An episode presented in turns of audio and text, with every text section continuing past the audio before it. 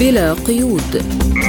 برنامج واسع الطيف نطلعكم فيه على آخر المستجدات على الساحة العربية والعالمية. حصريا من إذاعة سبوتنيك. من استوديوهات إذاعة سبوتنيك في موسكو نحييكم ونرحب بكم في حلقة جديدة من برنامج بلا قيود.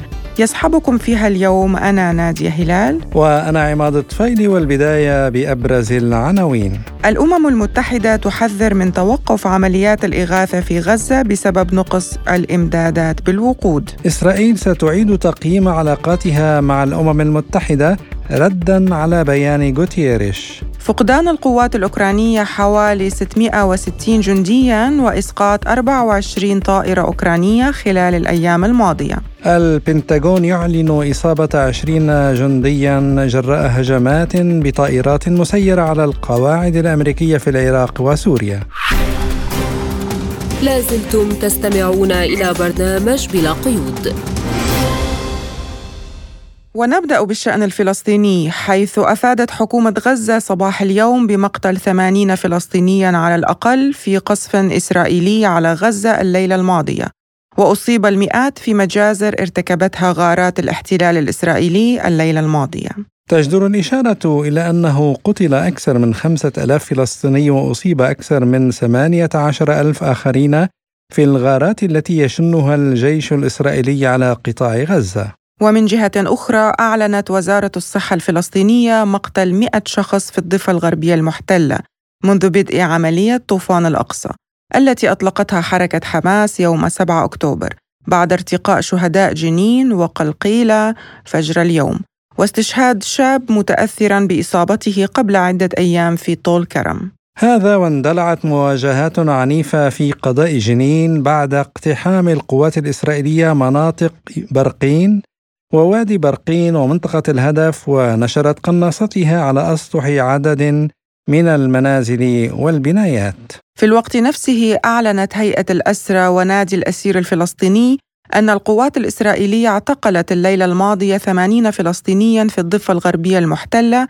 ليرتفع عدد المعتقلين منذ 7 أكتوبر إلى أكثر من 1350 شخص. فيما حذرت وكالة غوث وتشغيل اللاجئين الفلسطينيين الأونروا من أنها ستضطر إلى وقف عملياتها الإغاثية في قطاع غزة بسبب نقص إمدادات الوقود وسط قصف إسرائيلي مركز. وبعد 18 يوما من قصف إسرائيلي مدمر وحصار شبه كامل برا وبحرا وجوا للقطاع حذرت الوكالة التابعة للأمم المتحدة من أن عملياتها وصلت حد الانهيار. وقالت الوكالة التي تقدم المساعدة ل 600 ألف نازح في غزة إذا لم نحصل على الوقود بشكل عاجل سنضطر إلى وقف عملياتنا في قطاع غزة. وأفادت أسيرة إسرائيلية يوخيات ليفيشيتس والتي أفرجت عنها حركة حماس مؤخراً في حديث لوسائل إعلام إسرائيلية بأنها تلقت معاملة جيدة خلال احتجازها أكثر من أسبوعين في قطاع غزة. موضحة أن طبيبا كان يزورها هي ورفاقها كل يومين أو ثلاثة أيام.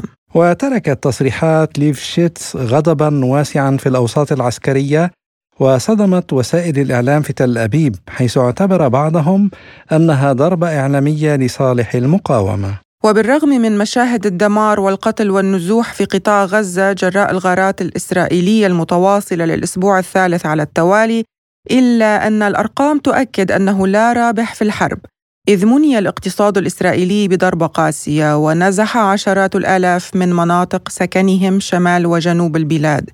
إضافة إلى بقاء الآلاف داخل الملاجئ فضلا عن الخسائر البشرية التي خلفتها الحرب. كما خلفت الحرب المتواصلة بين إسرائيل وحركات المقاومة بقطاع غزة ما يزيد عن 1400 قتيل إسرائيلي من بينهم 308 جنود وضباط وفق البيانات الرسمية في تل أبيب. وبلغ عدد المصابين في صفوف الإسرائيليين منذ اندلاع الحرب 5431 شخص فضلا عن 222 مختطف بقطاع غزة وفق تقارير الإعلام الإسرائيلي. وأخلت السلطات الإسرائيلية العديد من المستوطنات جنوب البلاد بما في ذلك الواقعة في منطقة غلاف غزة بعد الهجوم الذي شنته حماس على المنطقة نفسها وإطلاق آلاف الصواريخ من القطاع. لكن النازحين لم يقتصروا فقط على الجنوب فمع تدخل حزب الله على الحدود اللبنانية واندلاع اشتباكات ومواجهات مع الجيش الإسرائيلي اضطرت تل أبيب لإخلاء البلدات الواقعة شمالا قرب المنطقة الحدودية.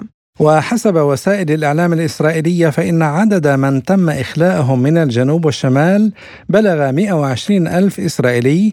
تم وضعهم في فنادق ومدن خيام في مدن بعيدة نسبيا عن المواجهات. وصرح الصحفي الاستقصائي الأمريكي سيمور هيرش نقلا عن مصدر أمريكي مسؤول أن إسرائيل تدرس إمكانية إغراق شبكة أنفاق حماس قبل بدء عمليتها البرية. وأشار هيرش إلى أن إسرائيل بصدد تحويل مدينة غزة إلى أنقاض من خلال القصف المستمر وتخطيط لبدء غزو بري قريبا. آه، وللتعليق على هذا الموضوع نستضيف في حلقة اليوم من البرنامج نائب رئيس المجلس الوطني الفلسطيني والقيادي في الجبهة الديمقراطية لتحرير فلسطين علي فيصل. أهلا ومرحبا بك أستاذ علي فيصل في حلقة اليوم من البرنامج. أهلا بك وبالمستمعين الكرام والتحية لشعبنا الصامد في قطاع غزة وفي عموم فلسطين. والتحية لكم كمناصرين وداعمين للقضية الفلسطينية. أهلا بحضرتك أستاذ علي. يعني رئيس هيئة الأركان العامة الإسرائيلية يقول إن الجيش الإسرائيلي جاهز لعملية برية ومن المتوقع صدور قرار على المستوى السياسي بشأن شكلها وتوقيتها. يعني برأيك هل فعلا ستشن إسرائيل عملية عسكرية برية أم مجرد تهويل وحملة دعائية نفسية؟ آه، نحن آه، نضع هذا الموقف آه، في آه، خانة اهتمامنا ونضعه في موقع الاحتمال ولذلك نأخذ حذرنا وحيطتنا وإجراءاتنا التي تضمن إفشال هذا العدوان والهجوم البري المسبوق بارتكاب مجازر آه، بحق أهلنا في قطاع غزة وبحق البنية التحتية وبحق كل آه، الشعب الفلسطيني. الجيش الإسرائيلي في هذا التصريح يحمل المستوى السياسي الحكومة الإسرائيلية مسؤولية اتخاذ هذا القرار. وهو لا زال يحضر نفسه لعملية برية من هذا النوع لكنه يخشى تماما من فشلها ومن الخسائر التي ستطال جنوده وأيضا منظومته العسكرية والأمنية. وستردع من جديد هذا الهجوم المتمادي. وستدفع نحو مزيد من تآكل قوة الردع للجيش الإسرائيلي. هناك خوف وهناك حذر وهناك تباينات. في الخارطة السياسية وحتى داخل الجيش الإسرائيلي من جدوى هذه العملية ومن نجاح هذه العملية خاصة أنه اختبرها في عام 2014 ومني بخسائر فادحة وانكسرت هيبته مرارا. وأنا أعتقد أيضا أن الموقف الأمريكي الداعم له في ما يسميه الدفاع عن النفس وتغطية وشراكة في ارتكاب المجازر البشرية وفعل الإبادة الجماعية بحق شعبنا. أيضا يحسب ألف حساب للهجوم البري خاصة وأن المقاومة قد حضرت نفسها لمثل هكذا. آه، عملية منذ ما قبل حتى طوفان آه، آه، الأقصى. ولذلك أنا أقول أن الحالة التي يعيشها الجيش الإسرائيلي والحكومة الإسرائيلية حالة إرباك حالة قلق حالة عدم التيقن من قدرتها على إنجاز النصر في عمليتها البرية هذه لأنها فعلا تخشى الفشل وتخشى الخسائر الكبيرة وتخشى أيضا انهيار كبير في المنظومة المعنوية والردعية والنفسية للجيش وللمستوطنين الإسرائيليين وتخشى تماما الخسائر الكبرى التي ستقع في هذا الجيش وفي كل من يناصره آه، في الميدان. لذلك نحن نقول بلغة الواثق كمقاومة فلسطينية بكافة أجنحتها وبشعبنا الفلسطيني أية عملية برية يقوم بها الاحتلال ستؤجج الصراع أكثر فأكثر وستؤدي إلى تداعيات كبرى على المستوى الفلسطيني ستلتهب الضفة الفلسطينية والقدس وأبناء شعبنا في الأراضي المحتلة عام 48 وأيضا شعبنا في مناطق اللجوء والشتات. هذا اولا.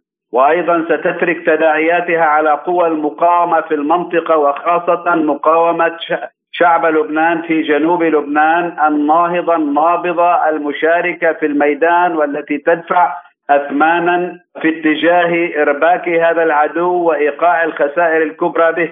وأيضا مواقع المقاومة في الجولان السوري المحتل وقوى المقاومة الناهضة أيضا في العراق وفي اليمن وأيضا قوى المقاومة ومحور المقاومة الذي يدعم شعبنا وخاصة إيران والمواقف الدولية التي ستتأجج في مواجهة هذا المشروع الأمريكي الإسرائيلي خاصة موقف روسيا وموقف الصين الداعم للقضية الفلسطينية والرافض للعملية العسكرية الإسرائيلية والعملية العسكرية الأمريكية وللدور الأمريكي ومحاولة فرض مشروع شرق أوسط جديد أمريكي إسرائيلي تطبيعي بقوة الحديد والنار وبقوة المجازر والمحارق التي ترتكبها بحق شعبنا في قطاع غزة وفي الضفة وأيضا في بحق اسرانا المعتقلين داخل السجون، أنا أقول لك بلغة الواثق أن أي عملية برية ستشرع بها إسرائيل. سينفجر الصراع على مستوى عموم ساحات الشعب الفلسطيني وعلى عموم جبهات المقاومة في المنطقة وأيضا على عموم شعوب أمتنا العربية وشعوب أحرار العالم وأيضا سيزداد الموقف المكشوف لأمريكا وإسرائيل لدى شعوب العالم وأيضا سيزداد عزلة لدى دول العالم والمؤسسات الدولية وأيضا سيزداد هذا الموقف هذا الموقف انكشافا لهذا المشروع الذي يسعى من أجل ضم الضفة الفلسطينية وترحيل أهلها للأردن وأيضا ترحيل أبناء شعبنا في غزة إلى مصر وهذا ما هو مرفوض تماما ودونه دونه المستحيل وما وأيضا ما يرفضه شعب مصر ودولة مصر وأيضا شعب الأردن ودولة الأردن. آه نعم أستاذ علي البنتاغون يؤكد على إرسال العديد من العسكريين الأمريكيين ذوي الخبرة ذات الصلة إلى إسرائيل لتقديم الخدمات الاستشارية. وكلنا نعرف ونعلم أن على أساس الجيش الإسرائيلي هو قوة رابعة في يعني في العالم من حيث التجهيز آه، والقوة العسكرية يعني. فهل هو بحاجة إلى إلى استشاريين؟ وما الهدف من ذلك؟ واضح تماما أن المعركة ليست معركة إسرائيل وحدها التي منيت بهزيمة كبرى في طوفان الأقصى ومنيت بضربة استراتيجية وإنما هي هزيمة للولايات المتحدة الأمريكية ولنفوذها ودورها في منطقة الشرق الأوسط إن لم يكن على المستوى العالمي.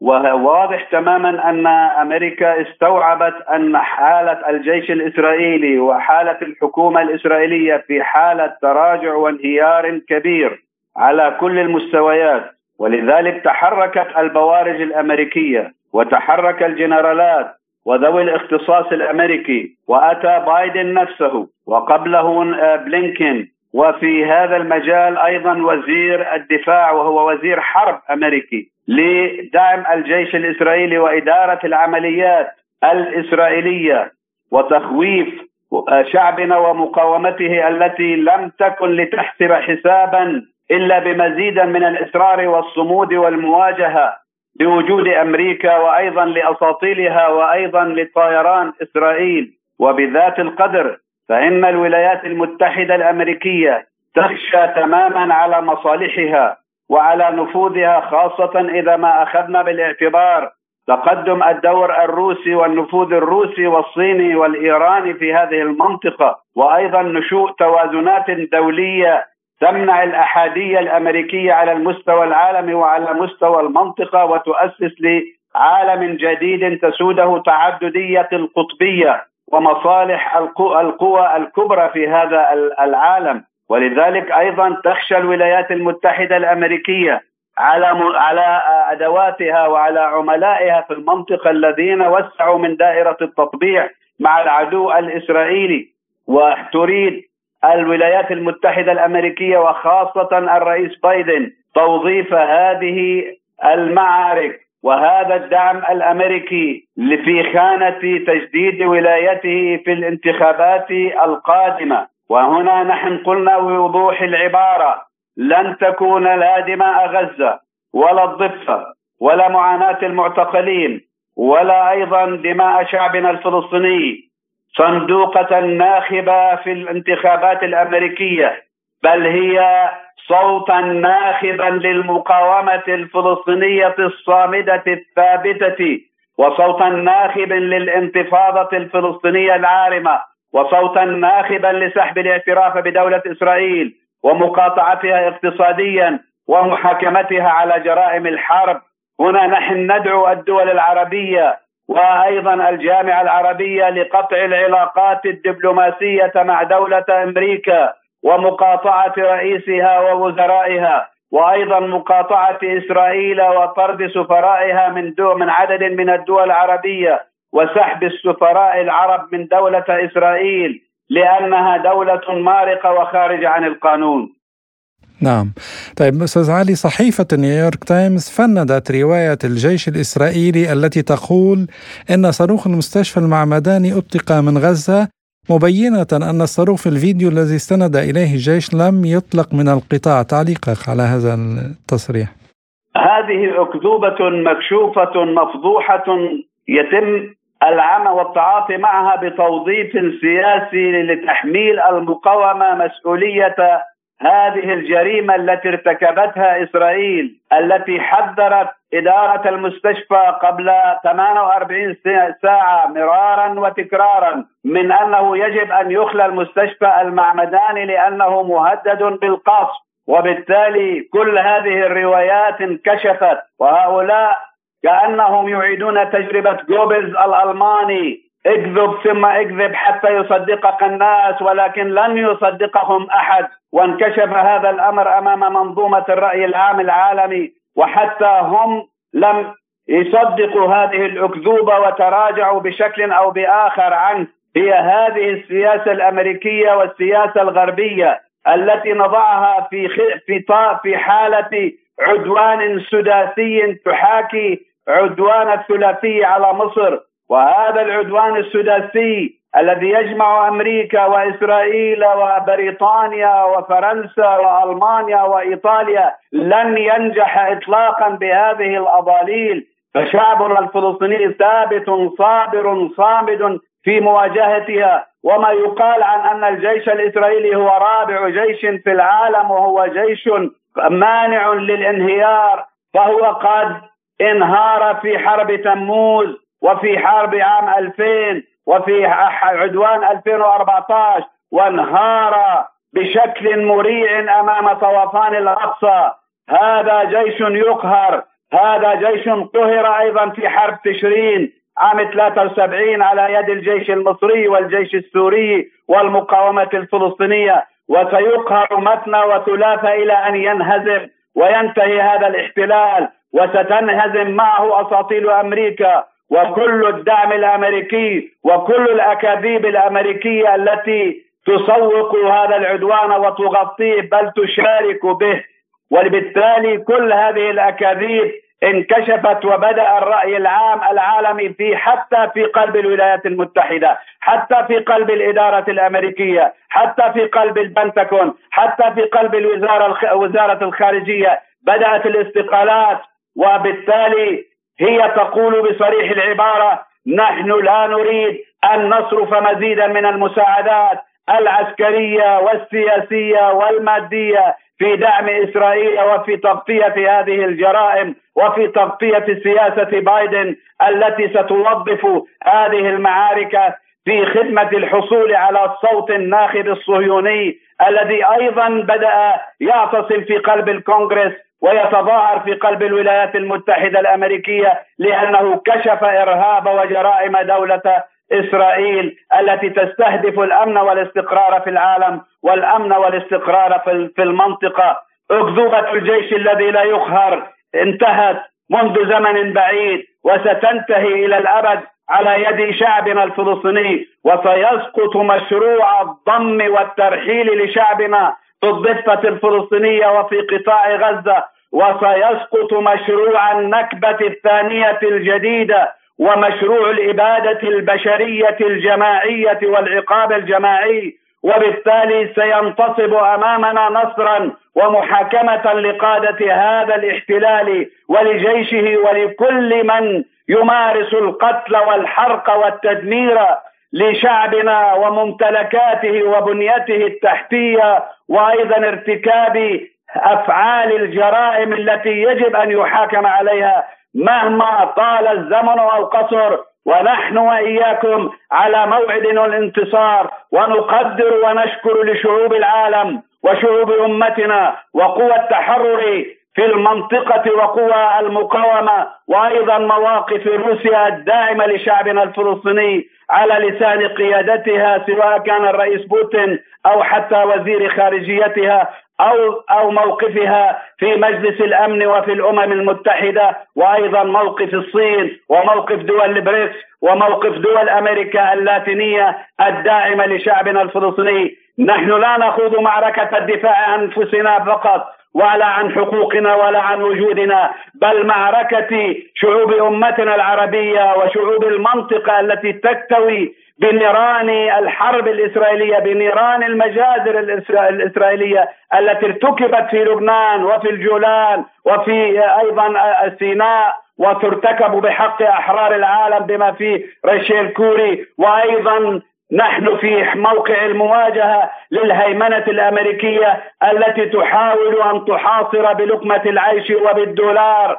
الشعوب التي تواجهها وتواجه سياستها. نحن نستند في هذه المعركة إلى دفاعنا عن أنفسنا عن قضيتنا عن وجودنا وعن شعوب أمتنا العربية وشعوب المنطقة وأيضا شعوب العالم ونحن نشارك في صياغة ورسم عالم جديد في منطقتنا بشرق أوسط جديد، شرق أوسط الشعوب وتقرير المصير للشعب الفلسطيني وإقامة دولته الفلسطينية المستقلة على حدود الرابع من حزيران. آه نعم أستاذ علي، شكرا لك، شكرا لأجوبتك القيمة.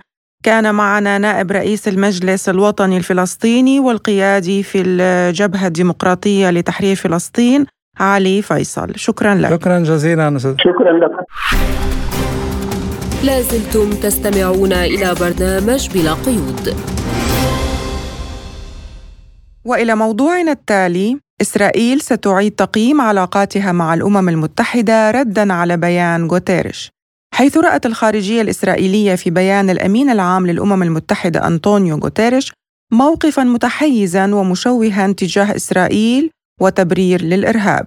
كما رأت أنه على غوتيريش التراجع عن كلماته والاعتذار أو تقديم الاستقالة. وفي اجتماع لمجلس الأمن الدولي قال غوتيريش بأن هجوم حماس على إسرائيل لم يأتي من فراغ بل بعد احتلال خانق للشعب الفلسطيني دام 56 عاما هذه العبارة أثارت نقاشات في وسائل الإعلام.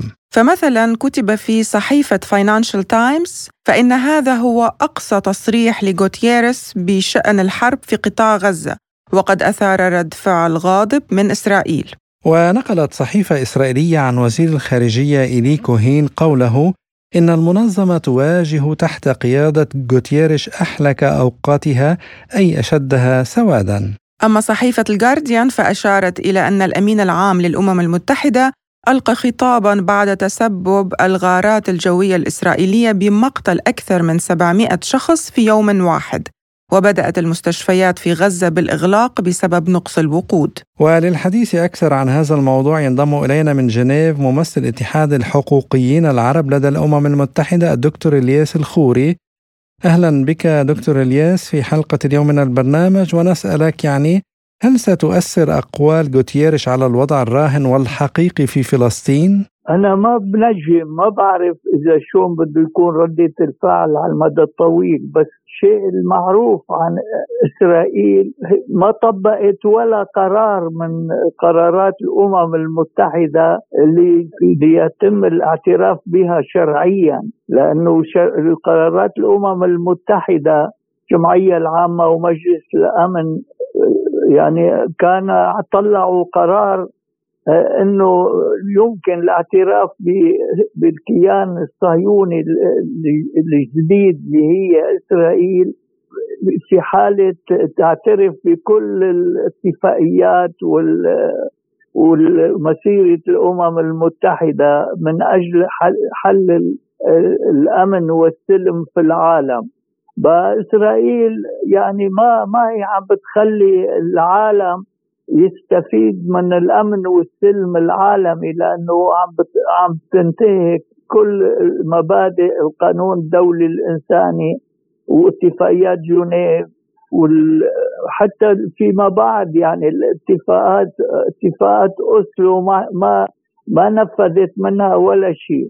وهي ردة الفعل الإسرائيلية وحلفاء إسرائيل بالعالم متوقعة وما ما لازم نحن نقف وراء إصبعنا ونقول الغرب الامكانيات من أجل السلم والأمن في العالم إسرائيل عم عم بتساهم في توطيد الأمن والسلم العالمي. لذلك يعني ما لازم نتفاجأ يعني الغرب هو أساسا هو اللي صنع إسرائيل. وردا على تصريحات غوتيريش بدأت إسرائيل بمعاقبة الأمم المتحدة حيث سترفض إصدار تأشيرات الدخول لمسؤولي المنظمة الدولية وكان أولهم وكيل الأمين العام للشؤون الإنسانية مارتن جريفيث. إلى أي مدى يمكن أن تصل عقوبات إسرائيل على الأمم المتحدة؟ لاستئصال لاستئصال كل من من يعارض القرارات الدولية ومحاولات السلام الحقيقية اللي تنص على إعادة الحقوق لأصحابها. يعني شعب محتل آه، اللي هو بفلسطين المغتصبة. يعني آه، هذا يعني ما لازم حدا يبقى منه أساسا لحتى يدافع عنه يعني في هيمنة نجدية آه، فشية بتحويل الأمم المتحدة إلى أداة قمع ومعاداة لكل القيم الإخلاقية والأممية. مؤخرا كانت الذكرى 78 لدخول ميثاق الأمم المتحدة حيز التنفيذ وبهذه المناسبة قال غوتيريش في هذه الساعة الحرجة أحث الجميع على التراجع عن حافة الهاوية قبل أن يولي العنف بمزيد من الأرواح وينتشر على نطاق أوسع. بدوره قال وزير الخارجية السعودي إن مجلس الأمن الدولي يتحمل مسؤولية تبعات تصعيد آخر للصراع في قطاع غزة. وفشل مجلس الأمن الدولي في وقف التصعيد في غزة ويلقي بظلاله على سلطة آليات الشرعية الدولية. فهل برأيك دور الأمم المتحدة فعلا محدود وضعيف؟ هل السبب هو ضعف شخصيات محددة في الأمم المتحدة؟ آه، وهل سيتغير هيكل الأمم المتحدة بشكل كامل؟ هذا هذا شيء وارد في منظمات عديدة عم بتناضل وعم بتحاول تأثر بقرارات الأمم المتحدة وبدور مجلس الأمن ودور الفيتو اللي هو حق مجلس الأمن لأعضاء مجلس الأمن الكبار. لذلك يعني ما بنقدر آه، آه، نستبعد هالحالة هاي. يعني والتعديل أو تصحيح دور مجلس الأمن انصافه للقضايا العادلة لأنه ما لا يمكن انصاف دولة انصاف قضية معينة بدون ما يكون في اخلاق وحياد من قبل اعضاء مجلس الامن مجتمعين آه وارد الشيء هذا. كان معنا ممثل اتحاد الحقوقيين العرب لدى الامم المتحدة الدكتور الياس الخوري. شكرا لك. لازلتم تستمعون إلى برنامج بلا قيود. وإلى ملف الأزمة الأوكرانية فوفقا لوزارة الدفاع الروسية فقدت القوات الأوكرانية حوالي 660 جندي خلال ال 24 ساعة الماضية على جبهات مختلفة. وقال الناطق باسم الرئاسة الروسية دميتري بيسكوف إن الكريملين قد اطلعت على مواد صحيفة واشنطن بوست التي تناولت التعاون طويل الأمد بين أجهزة المخابرات الأوكرانية ووكالة المخابرات المركزية الأمريكية. وللحديث أكثر عن هذا الموضوع ينضم إلينا الخبير بالشأن الروسي الدكتور محمود الأفندي. أهلا بك دكتور محمود. والسؤال يعني ما تعليقك على الوضع الراهن في الجيش الأوكراني وحقيقة التعاون بين أجهزة المخابرات الأوكرانية مع الغرب؟ أول شيء أوقاتك سيدتي وللأخوة المستمعين. طبعا بدي أضيف على بداية السؤال أنه مو بس 660 مقاتل الملفت للنظر أنه أضاعت أوكرانيا 24 طائرة بخمس أيام وطائرة حربية. هذا الرقم لم يكن مسجل حتى في بداية العملية العسكرية لما كان هناك هجوم كاسح من طرف القوات الروسية. يعني هذا بيعني أنه بالفعل أوكرانيا بدأت تستنزف كل قدراتها العسكرية شيئا فشيئا. وهو يعني نعلم جيدا أنه أحد أهداف العملية العسكرية الخاصة الروسيه يلي وهي نزع السلاح الأوكراني نزع السلاح الأوكراني. هذا يقصد السلاح الحربي والعتاد البشري. الآن نتكلم على سؤالك الشق الآخر من سؤالك. روسيا طبعا متأكدة من مده من بداية العملية العسكرية أن المخابرات البريطانية والإنجليزية تتعامل وتعطي التعليمات والمعلومات للقوات الأوكرانية وأيضا المخابرات الأوكرانية.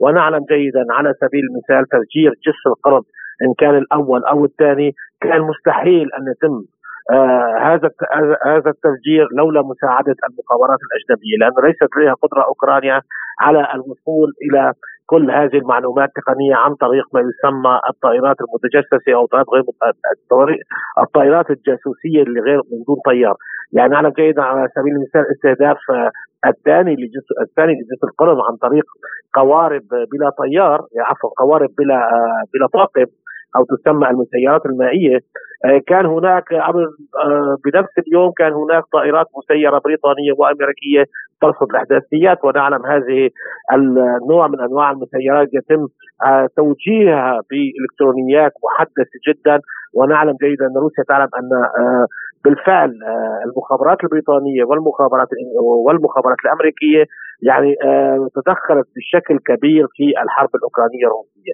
لذلك روسيا الآن يعني تحاول بشكل من الأشكال أن تمنع طائرات الجثث ونعلم ما حصل بطائرات الجثث الأمريكية من حوالي أربعة أشهر تقريبا لما تم اعتراضها تحاول بشكل وسائل أن توقف هذا التدخل أو آه، توقف طائرات التجسس بدون طيار على المياه الإقليمية أو القريبة من المياه من ما يسمى الأجواء الروسية. ولكن يعني من الواضح أن المشكلة تكمن دائما في المخابرات البريطانية لأن المخابرات البريطانية إذا تريد أن تعرف من أين مشكلة تأتي هي من المخابرات البريطانية. يعني وراها دائما مصائب.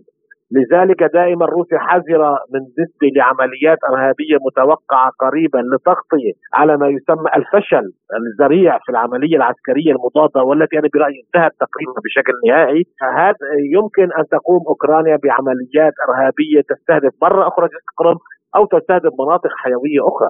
هذا أيضا روسيا تحضر نفسها يعني تستعد.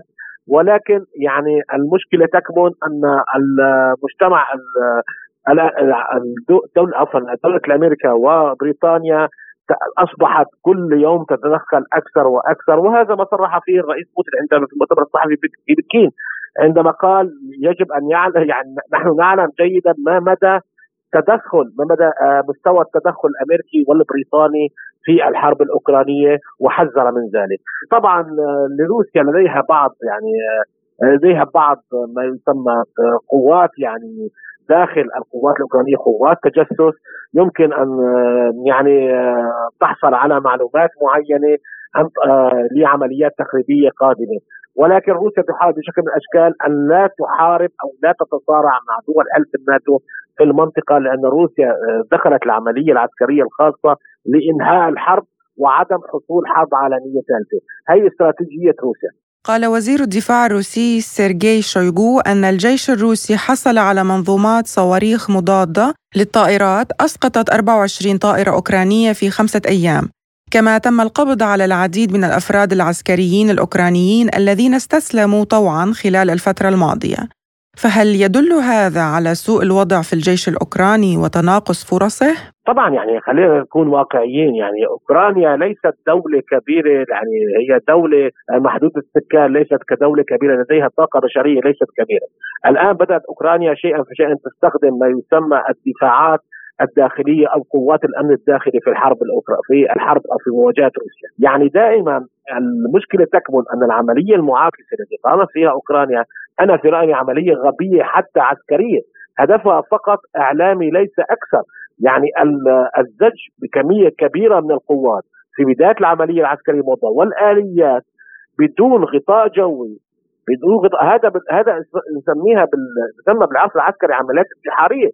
لذلك يعني النظام الأوكراني الذي لا لا يأبه يعني بعدد القوات التي تختارها أوكرانيا أو يختارها الشعب الأوكراني انه كلهم من الشباب الأوكرانيين وليسوا يعني ليسوا من دول من قوات حلف الناتو يغامر بهم بعمليات يعني واضح أن نتيجتها هي الهلاك. لذلك بدأت أوكرانيا شيئا فشيئا آه، تستنزف قواتها البشرية آه نرى جيدا أن ما الآن على الجبهة وخصوصا من يتكلمون الأسرع يتكلمون أن آه يعني التدريب حوالي أسبوعين تلازم وثم زجوا بالقوات وبالإضافة إلى استخدام قوات ما يسمى الدفاع المدني الذي آه، جندتهم أوكرانيا للدفاع عن المدن في حال اجتياح روسي لهذه المدن بدأت تظهر على الجبهة. هذا يعني أن القوات أو الطاقة البشرية للجيش الأوكراني بدأت تستنزف وهذا روسيا يعني كانت تريده منذ بداية العملية العسكرية عندما قرر الغرب يعني كانت روسيا فاتحة الأبواب للتفاوض. ولكن بعد ما ما يسمى مسرحية مصدر بوشا أصبح واضح لروسيا أن الغرب قرر أن يحارب روسيا حتى آخر قطرة دم من الجيش الأوكراني. وهذا فعل وقال الرئيس بوتين عدة مرات إذا كان بدون ذلك فليكن ذلك. يعني الآن روسيا تستنزف كل القوات وقال بعدها عدة مرات أن يمكن أن تزج الآن الولايات المتحدة الأمريكية بقوات من أوروبا الشرقية كما حسب الترتيب ما يسمى الترتيب آه الطائي أو أو الترتيب العنصري لدول أوروبا. يعني دول أوروبا الشرقية هي بالنسبة إلى الولايات المتحدة الأمريكية أوروبا نخب ثاني فيمكن أن تزجهم في المستقبل في المعركة ضد روسيا. لذلك يعني واضح أصبح أمر واضح أن القوات الأوكرانية بدأت تستنزف وحتى السلاح الغربي في أوكرانيا بدأت تستنزف. هناك نقص في الذخيره واضح نقص في المعدات العسكرية. حتى بدأت يعني أنا حتى المضحك المبكي أن الولايات المتحدة الأمريكية سلمت صواريخ إلى أوكرانيا منس يعني ملغية آه، أو آه، ملغية من الجيش الأمريكي منذ حوالي 30 سنة. وبدأ الأوكرانيين يصلحونها ويطلقونها على روسيا. يعني هذا يعني بالفعل روسيا بحرب الاستنزاف. اللي يعني الولايات المتحدة الأمريكية ضد روسيا بدأت البوادر تقول أن روسيا بشكل جزئي بدأت تنتصر حتى بدات تنتصر جزئيا في حرب الاستنزاف. يعني يقول وزير الخارجية البريطاني أن بريطانيا لا تنسى أوكرانيا وسط الصراع الفلسطيني الإسرائيلي المتفاقم هل ما زالت يعني بريطانيا تمتلك المقدرة على دعم أوكرانيا لعرقلة مسار العملية العسكرية الروسية الخاصة؟ وكيف سيكون هذا الدعم برأيك؟ بالنسبة لبريطانيا السلاح والمال أعتقد لا تملك أكثر من ذلك، لديها أزمة في السلاح في مستودعات الذخيرة، لديها أزمة في الاقتصاد، فأعتقد أن المملكة المتحدة تستطيع أن تساعد أوكرانيا فقط في آه، ما يسمى آه، معلومات استخباراتية أو تدريب المخربين الأوكرانيين على القيام بعمليات إرهابية. هذا ما تستطيع بريطانيا أن تقدمه بالنسبة إلى أوكرانيا، لأن آه، أوكرانيا كانت هي تريد دائما في منذ بداية العملية العسكرية الخاصة الروسية أن تكون الزوجة المحبوبة لدى الولايات المتحدة الأمريكية وهي دائما وش كانت وجه المدفع بتقديم كل شيء كان محرم أو آه، كانت تحرمه الولايات المتحدة الأمريكية على سبيل المثال الدبابات. أول ما قدمها قدمتها بريطانيا الصواريخ بعيدة المدى أول ما قدمتها بريطانيا. أيضا كانت بريطانيا هي الأساس مع أنه لا تملك طائرات ال F 16 ولكن كانت هي ما يسمى إطلاق مبادرة بتزويد أوكرانيا بالطائرات F 16 يعني بريطانيا كانت دائما الحرب الأولى في الدفاع عن أوكرانيا.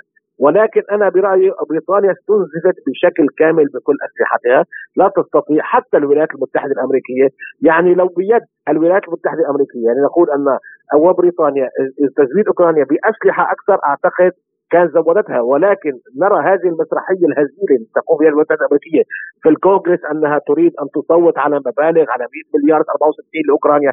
أنا رأيي هي مسرحية هزيلة فقط لأن بالفعل الولايات المتحدة الأمريكية وحلفائها لا تملك الآن من الأسلحة والذخيرة للوصول إلى جبهتين. ونعلم جيدا يعني خلينا نكون واقعيين أحد أسباب تأجيل أو حتى تأجيل أن الكيان الصهيوني لا يقوم بعملية برية ضد غزة لأنه لا يملك ذخائر مدفعية لأنه هذه الذخائر التي كانت تملكها إسرائيل تحت المستودعات الأمريكية كلها أعطيت لأوكرانيا. فأن تدخل والمعنى جيد أن المدفعية تسمى هي إله الحرب فإذا تريد أن تدخل آه، تجتاح غزة القوات الإسرائيلية فبحاجة إلى غطاء ناري، الغطاء الناري لا يكون عن طريق الطيران وإنما يكون عن طريق المدفعية، ليست لديها ذخيرة، حتى وصلت لنا المعلومات البارحة أن حوالي عشرات الآلاف من الذخائر التي صنعت في الولايات المتحدة الأمريكية كانت موجهة إلى أوكرانيا الآن ذهبت إلى إسرائيل، ماذا يعني هذا الكلام؟ يعني بالفعل هناك نقص حاد. وهذا ما ذكره رئيس اللجنة العسكرية في حلف الناتو من حوالي شهر تقريبا قال بدأنا نرى عقب البرميل. يعني قاع البرميل بدأنا نراه. إنه بالفعل في هناك مشكلة. فأنا في رأيي الولايات المتحدة الأمريكية تريد أن تحارب على جبهات عديدة ولكن لا تملك الطاقة العسكرية. لذلك انها بحاجة الآن تطور الاليات العسكرية وأن تبدأ تصنع ولكن هذا بحاجة إلى وقت. لذلك الآن إسرائيل تعلن على الجميع أننا سنقوم. يعني أنا نذكر جميعا عندما تقول إسرائيل تريد أن تقوم بعملية اجتياح لقطاع غزه حتى الآن نحن من 7 أكتوبر وصلنا إلى 25 يعني 18 يوم. حتى الآن لم تقوم إسرائيل بعملية. وكانها تقول بالعربي زي امسكوني عليه. يعني تريد فقط من المجتمع الدولي أن يوقفوا إسرائيل؟ لأن حتى إسرائيل بقواتها العسكرية بالذخائر لا تملك القوة على مواجهة غزة والغطاء الناري، ماذا يعني هالكلام؟ يعني بالفعل كل قدرات العسكرية لحلف الناتو وهو نتكلم عن الذخيرة كل قدرات حلف الناتو وحلفاء حلف الناتو ونعلم هي إسرائيل أول دولة من حلفاء حلف الناتو زودت بكل قدراتها العسكرية زودتها إلى أوكرانيا. الآن المشكلة تكمن من أين ستأتي الذخائر القادمة؟ هي مشكلة راح تواجه الولايات المتحدة الأمريكية وحلفائها في الفترة القريبة العاجله كان معنا الخبير بالشأن الروسي الدكتور محمود الأفندي. شكرا لك. لازلتم تستمعون إلى برنامج بلا قيود. وإلى ملفنا التالي البنتاغون يعلن إصابة عشرين جنديا جراء هجمات بطائرات مسيرة على القواعد الأمريكية في العراق وسوريا حيث أعلنت وزارة الدفاع الأمريكية عن إصابة عشرين جنديا امريكيا إثر هجمات الطائرات المسيرة على القواعد الأمريكية في العراق وسوريا. وأشار البنتاغون إلى أن 20 جندي أمريكي أصيبوا بجروح طفيفة في 18 أكتوبر عندما استهدفت طائرتان مسيرتان قاعدة التنف العسكرية في الجنوب السوري. وأشار البنتاغون إلى أنه تم إسقاط إحدى الطائرات مؤكدا أن جميع الأفراد المصابين عادوا إلى الخدمة ولم تلحق أي أضرار بأي منشآت عسكرية. وفي اليوم نفسه أصيب أربعة جنود أمريكيين آخرين بجروح طفيفة خلال هجومين بطائرات مسيرة ضد القوات الأمريكية وقوات التحالف المتمركزة في قاعدة عين الأسد في غرب العراق. وقال الجنرال بات رايدر السكرتير الصحفي للبنتاغون إن القوات الأمريكية وقوات التحالف تعرضت خلال الأسبوع الماضي للهجوم عشر مرات على الأقل في العراق وثلاث مرات في سوريا. وقال رايدر هناك احتمال حدوث تصعيد أكبر ضد القوات والأفراد الأمريكيين في جميع أنحاء المنطقة على المدى القريب جدا قادما من الجماعات التابعة لإيران. وأضاف نحتفظ دائما بحق الدفاع عن أنفسنا ولن نتردد أبدا في اتخاذ إجراءات عند الحاجة لحماية قواتنا ومصالحنا. وللتعليق على هذا الموضوع إليكم ما يقوله بهذا الصدد لبرنامجنا خبير العسكري الاستراتيجي الدكتور كمال جفا. كحقيقة الأمر أن ما يجري هو نتيجة التصعيد والجرائم الإسرائيلية ضد الشعب الفلسطيني وبالتالي آه، عدم أيضا الحق مما من موقف المجتمع الدولي بعدم قدرته على لجم إسرائيل بل زيادة دعم الدول الأوروبية وأمريكا بشكل مطلق وتأييد مطلق لما تقوم به إسرائيل ضد الشعب الفلسطيني. وبالتالي هذا يعني هذا الصراع المشتد لن يقتصر فقط على استهداف القواعد الأمريكية. أعتقد سيمتد من الواجب الديني والأخلاقي وما يسمى وحدة الساحات إلى جبهات أخرى. أنا أعتقد أن هناك تصعيد كبير في في اليمن ربما يقوم به الحوثيون. وأيضا محاولة الاعتداءات الإسرائيلية والضرب الإسرائيلية التي تعرضت لها القوات السورية ليلة أمس. وزيادة وتيرة الاعتداءات على المطارات السوريه وهذا مستمر منذ عشر سنوات سيدفع بمزيد من التسخين في المنطقة وربما دخول أطراف أخرى. أيضا ما نشاهده في جنوب لبنان من عمليات يعني اشتباكات أو جبهة مفتوحة بإيقاع مضبوط. أعتقد أننا سنشهد مزيدا من الانفلاش والتمدد على جانبي الحدود ولن تقتصر الضربات إن كان من حزب الله أو الإسرائيليين على ما أتفق عليه ضمن مسافة 5 أو 8 كيلو متر وبالتالي الجزء من هذا الصراع هو وجود القوات الأمريكية في سوريا والوجود الشرعي وأيضا وجود في العراق وباعتبار مرتبطة كما قلت لك اخلاقيا ودينيا وعقائديا ووحدة الساحات ووحدة المصير. أعتقد ستشهد هذه القواعد الأمريكية مزيد من الضربات ومزيد من الخسائر وهي جبهه رخوة. يعني كما تحاول أن تستغل إسرائيل أن سوريا هي نقطة ضعف بالنسبة لمحور المقاومة في المقاومة في محاولة استهداف متكرر. أعتقد أن هناك أيضا نقطة ضعف وجبهة رخوة هي القوات الأمريكية في سوريا وفي العراق وهي غير قادرة من خلال عمل ما يسمى المقاومة الشعبية أو الإسلامية على التصدي لهذه الضربات بسبب الامتداد الجغرافي وبسبب وجود عدد كبير من ما يسمى المجموعات التابعة لمحور المقاومة إن كان الحرس الثوري أو الحشد الشعبي. وبالتالي سيتوقع الأمريكيون مزيد من الضربات ومزيد من الخسائر على قواعدهم في سوريا والعراق وعن إمكانية زيادة حدة الهجمات على القوات الأمريكية في سوريا والعراق يقول جافا المشكلة أنه اليوم العدو الإسرائيلي أو الكيان الصهيوني لا ينتظر أعتقد أنه سيستغني قدر الإمكان عن موضوع الهجوم البري، عمليات التدمير المنهجي والتدمير الشطرنجي الممنهج لإحياء غزة أعتقد قد يكتفي ربما بتدمير المدينة بالكامل وجعلها غير صالحة للسكن وبالتالي سيضطر أهلها ربما إلى النزوح إلى منطقة أخرى، اليوم مصر ترفض هذا النزوح والرئيس المصري اقترح النقد لكن المشروع الإسرائيلي مستمر وهذه الحشود الأمريكية وهذا الدعم الأمريكي سيثمر أعتقد عن تدمير وإنهاء مدينة غزة حتى إن لم يدخل العدو الإسرائيلي تدخل القوات الإسرائيلية بهجوم بري كما يقال. لذلك تحاشيا للخسائر ربما يستغنون عن الهجوم البري ويستمرون في المجازر وبالتالي اليوم الارتفاع الكبير في أعداد الشهداء والجرحى من الأطفال والنساء سيدفع بمزيد من الحنق والحقد والكراهية للأمريكان. سيضرب حتى مشاريع التطبيع مع بعض دول الخليج لانها لن تستطيع في ستصل إلى مرحلة انها لن تستطيع بأي شكل من الأشكال تبرير هذه الجرائم. وبالتالي سيصعد مزيد من الحالات العنف والاعتداءات والهجمات على القوات الأمريكية، سأقول لك موضوع آخر أن هناك بعد اتخذت الفصائل الإسلامية والإرهابية في إدلب موقف ربما المؤيد ربما لإسرائيل أو المبرر ثم المحايد. اليوم بدأت ترتفع أصوات بعض الفصائل حتى المدعومه من قبل أمريكا.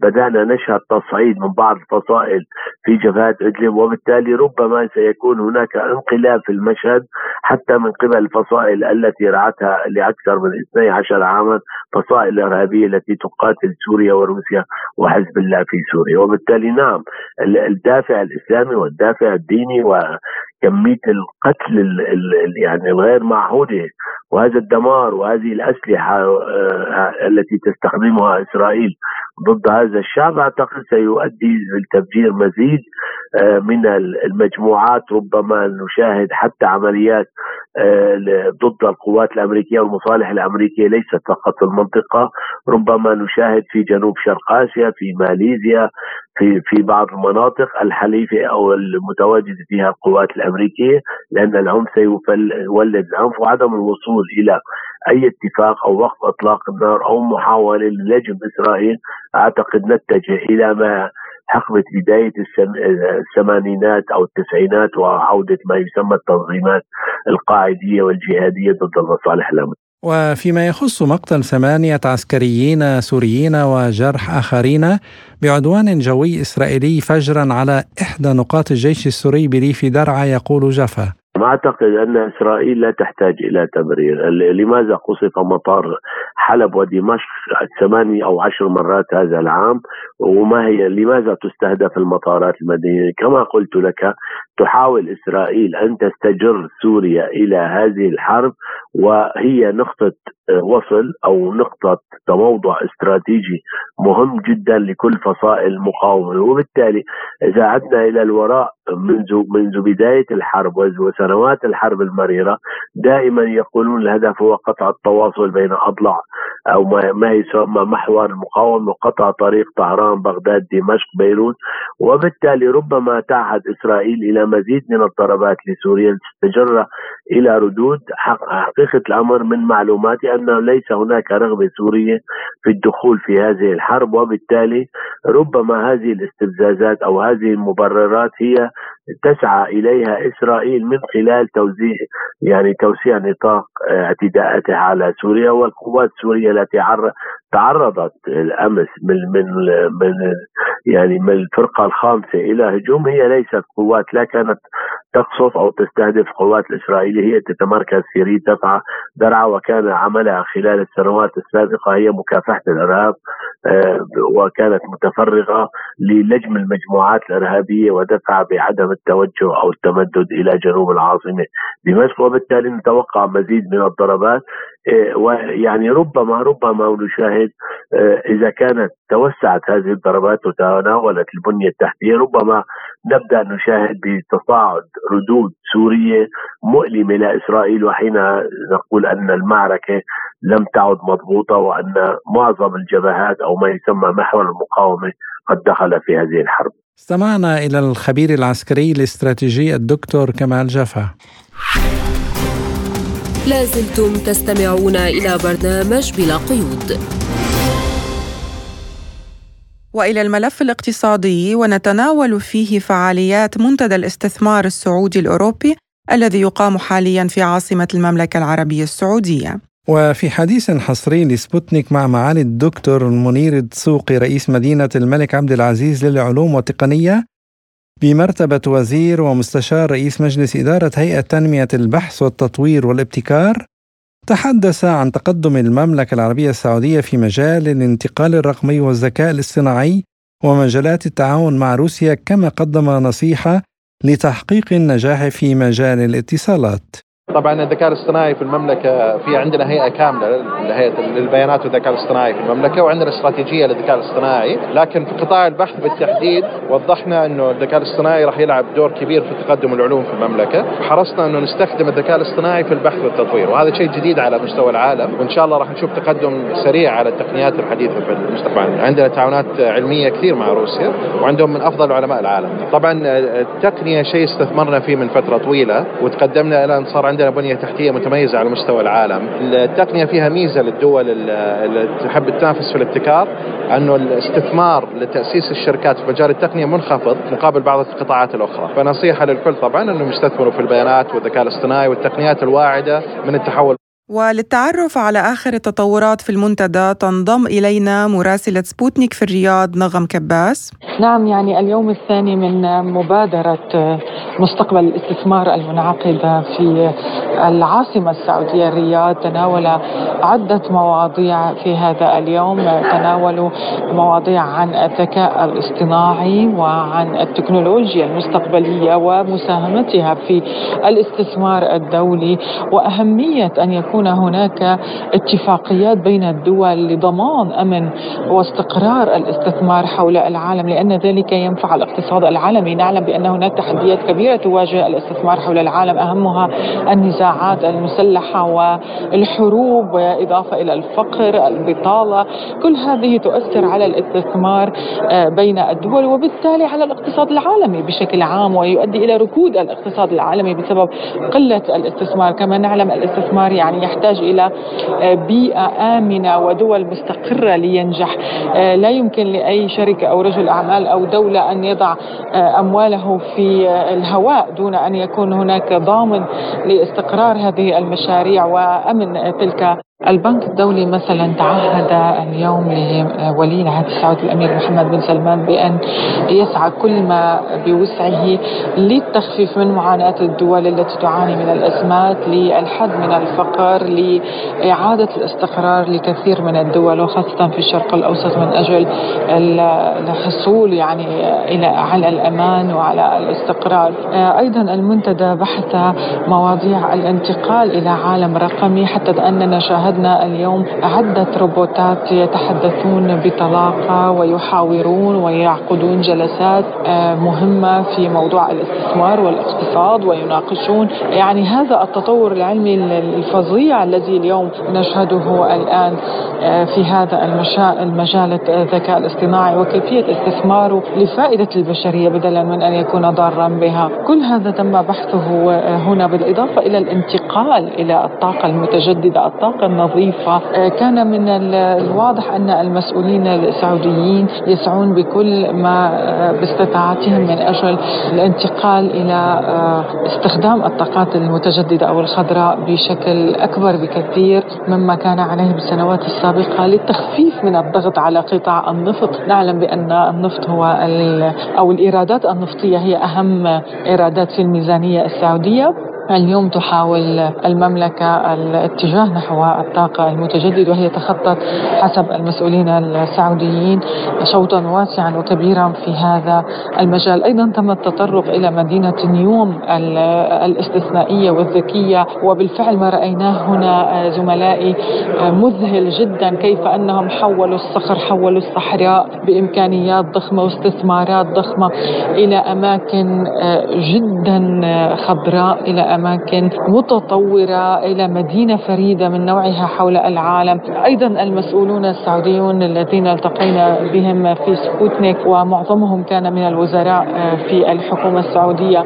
أكدوا على متانة العلاقات مع روسيا. أكدوا على أن العلاقة مع روسيا تتطور بشكل كبير اليوم وهي تنتقل إلى مستوى جديد وأنهم ماضون مع روسيا في كل كل المجالات بالتعاون مع روسيا في كل المجالات. المجالات الممكنة وفي كل آه، آه، القطاعات ليس فقط في القطاع النفطي في مستوى أوبك بلس على سبيل المثال وإنما أيضا في آه، مجالات استثمارية كبيرة بما فيها التكنولوجيا والبحث العلمي والطاقات التعليمية والشبابية. كل هذا التعاون بين المملكة العربية السعودية وروسيا كان مرحبا به هنا ويعني الجميع يرغب بتقوية هذه العلاقة والتوجه نحو روسيا وتمثيل تمكينها أكثر وأكثر. إلى هنا مستمعينا الكرام تنتهي حلقة اليوم من برنامج بلا قيود. كنا معكم فيها اليوم أنا عماد الطفيلي. وأنا نادية هلال. وللمتابعة زوروا موقعنا على الإنترنت Arabic Sputnik dot ae واشتركوا بقناتنا عبر تليجرام سبوتنيك عربي. واستمعوا إلى راديو سبوتنيك. ودمتم بخير. وشكرا لإصغائكم وإلى اللقاء.